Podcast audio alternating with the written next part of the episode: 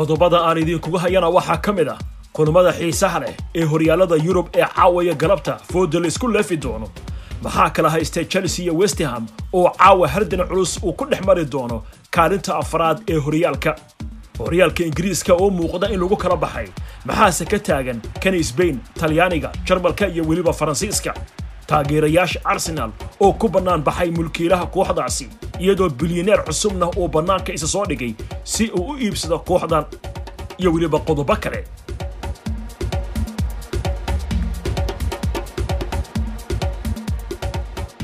Ha aan ku bilaabo tartanka loogu jiro gacanku dhigidda horyaalka sare ee ingiriiska waxaa laga yaabaa inuu u janjeero xagga manchester city.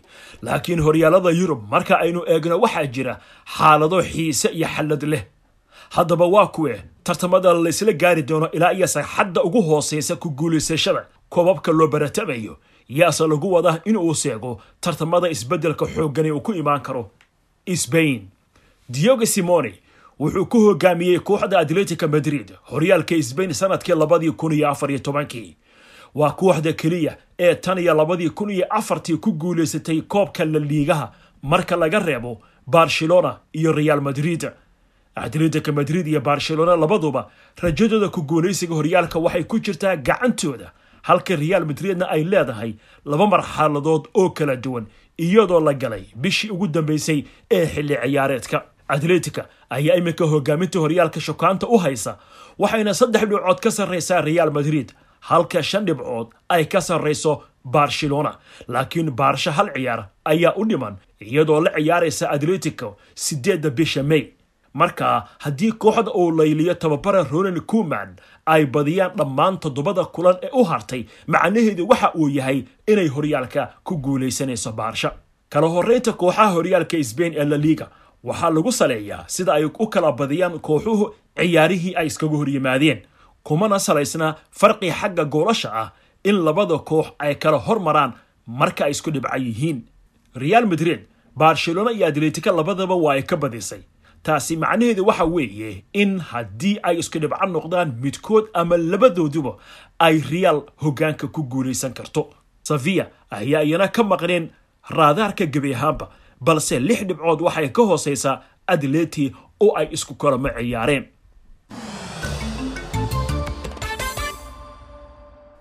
Jarmalka.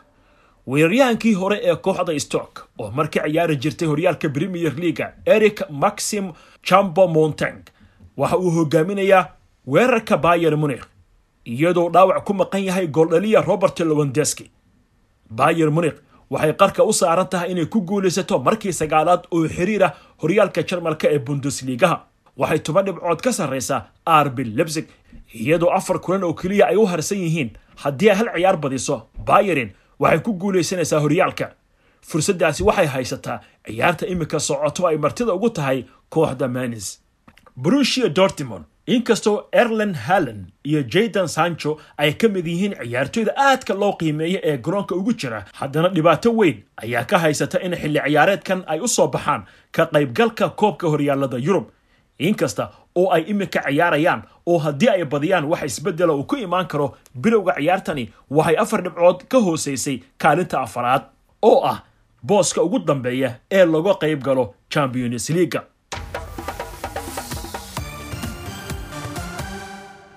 talyaaniga romali lukaco iyo antonio conte waxay ka mid yihiin wejiyo horey uga soo dhex muuqday horyaalka ingiriiska oo la filayo inay kula guulaystaan inter milan horyaalka talyaaniga ee sere aga yuventus ayaa rajaynaysa inay noqoto kooxdii ugu horeysay ee ka mid a kooxaha shanta horyaal ee ugu waaweyn yurub ee ku guulaysata toban horyaal oo isxiga. Laakiin taasi ma dhici doonto maadaama ay ku jirto iminka kaalinta afaraad. Inter milan ayaa u muuqata inay ku guulaysanayso koobkeedii ugu horreeyey muddo toban sano ah. Waxay toban dhibcood ka sarraysaa ac milan oo ku soo xigta iyadoo lix kulan oo keliya ay harsan yihiin. Andrea berlo tababaraha kooxda yuventus looma hubo booska champions leaga in kooxdiisa ay geli doonto. Waxaa keliya ee laba dhibcood ay ka sarreeyaan kooxda kaalinta shanaad ku jirta ee napoli. Berlo ayaa weli ku dhammaysan kara xilli ciyaareedkiisii ugu horreeyey isagoo tababara ah inuu koob qaado yuventus ayaa wajihi doonta atalanta ciyaarta kama dambaysta ee koobadda itaaliya sagaal iyo tobanka bisha may. Faransiiska. Neymar ayaa kaarka casa loo taagay markii b s g ay guuldarro kala kulantay liil isla markaasna kaalinta koowaad ee hogaaminta horyaalka lagala wareegay horaantii bishii abriil afarta kooxood ee ugu sarreysa horyaalka faransiiska ee liig waxaa kala saaraysa saddex dhibcood oo qura iyadoo b s g mustaqbalkeeda ku sii baxaya gacmahooda waxaana u dhiman shan kulan oo qura kooxda saddexda jeer harantay horyaalka ee liil ayaa hoggaanka u haysa horyaalka iminka. B s g ayaa ku xigta monaco ayaa saddexaad ah halka leon ay ku jirto kaalinta afraad. Hal dhibic ayaa u dhaxaysa koox kasta. Waa yahay intayna ka bixin horyaalada yurub xagga jarmalka bundesligaha markaynu eegno kulamo xiise ayaa iminka socda maxamed cumar cabdi shiine oo ah saxafi degan dalka jarmalka ciyaarahana ka faallooda ayaan goor dhaweyto ka waraystay kulamada xiisaha leh ee iminka socda. Aad iyo aad mawlid waa sidaa u sheegtay lugtii sagaal iyo labaatanaad oo toddobaadkii hore dhacday waa jimcihii iyo sabdigii iyo axaddii dhacday iyo lugtii soddonaad oo toddobaadkan dhexdiisa aan soo dhaafna arbacadii iyo talaadadii dhacday horyaalka jarmalka bundesligaha wax badan ayay ka bedeleen oo kala horrayntii kooxaha dalka jarmalka waxaa safkii koowaad horay u sii adkaystay kooxdii bayer motion oo toban dhibcood ka horreysa kooxda kaalinta labaad ku jirta. Marka halkaasi haddii ay galabta sii badisana kolley way sii adkaysan doontaa. Galabtana waxaa socda shan ciyaarood hadda afar ciyaarood hadda socda. Ciyaarana waa ciyaarta shanaad oo fiidnimada soo geli doonta. Waxaana hadda ciyaaraha socda ka mid ah freiburg oo la ciyaari doonto hoffenheim iyo minus oo la ciyaari doonto bayer motion oo hadda ja hal minus hal leedahay union berlin iyo verta bremen iyo wolfsburg iyo brusio dortmund. Iyo ciyaarta u dambeysa noqon doonta bayer liverkusen iyo eintracht frankfurt iyana isku soo beegan. Marka mawlid horyaalkii wax badana iska bedelay kooxdii bayern waxay sii adkaysatay sii hayntii ay sii haysatay hogaaminta maanta waxay ku soo dartana waa arki doonaa aad iyo aad baad u mahadsan tahay maxamed cumar cabdi shiine oo ah saxafi degan dalka jarmalka oo khadka telefonka igu warrameeyey.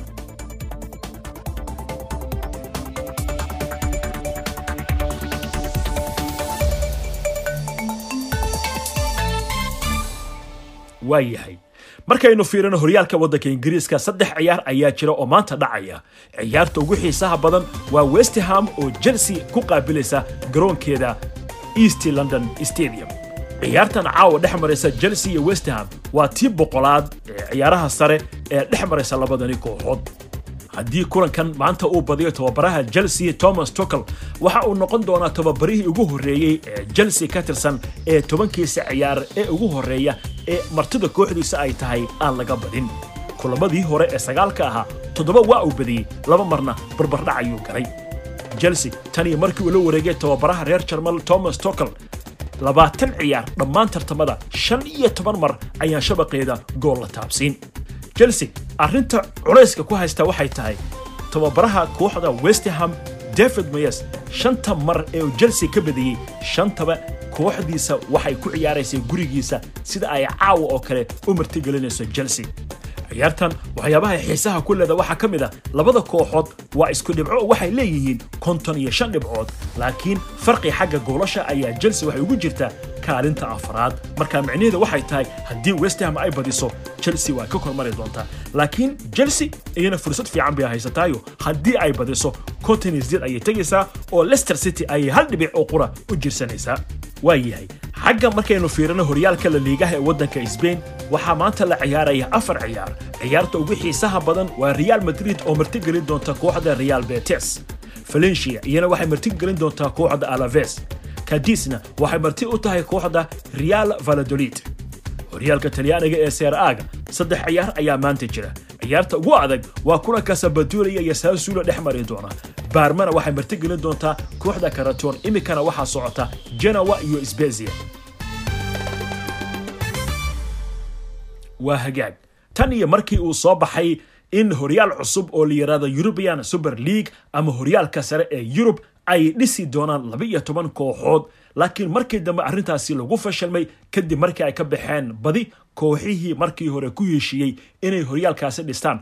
Ayaa waxaa jirta inay weli sii socoto carada ku aadan arrintaasi in kooxuhu ay ku hamiyeen waxaa jiray banaanbaxyo waaweyn oo ka dhacay garoonka chelsea iyo weliba garoonka arsenal.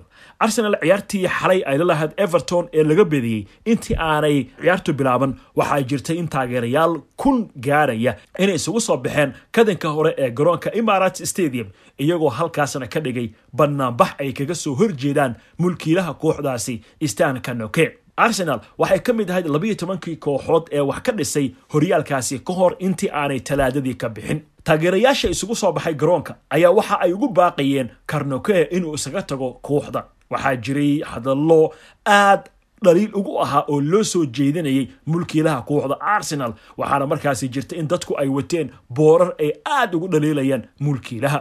Haddaba markii warkaasi uu soo baxay waxaa jirtay in nin bilyaneer ah oo iska leh kabaniga la yidhaahdo spotify oo dhinaca online-ka ah isla markaasna ah nin markaa si weyn u taageeri jiray kooxda arsenal tan iyo yaraantiisii fariin uu soo dhigay bartiisa twitterka habeennimadii xalay ayaa daniel ek waxa uu ku yidhi waxaan ku soo koray inaan taageero arsenal. Arrintanna waan xasuustaa waxaan uu sheegay in haddii shirkadda k s e oo ah shirkadda uu iska leeyahay mulkiilaha kooxda arsenal ay go'aansato inay iibiso kooxda isaga markaasi uu diyaar u yahay in uu arrintaasi soo galo oo kooxda la wareego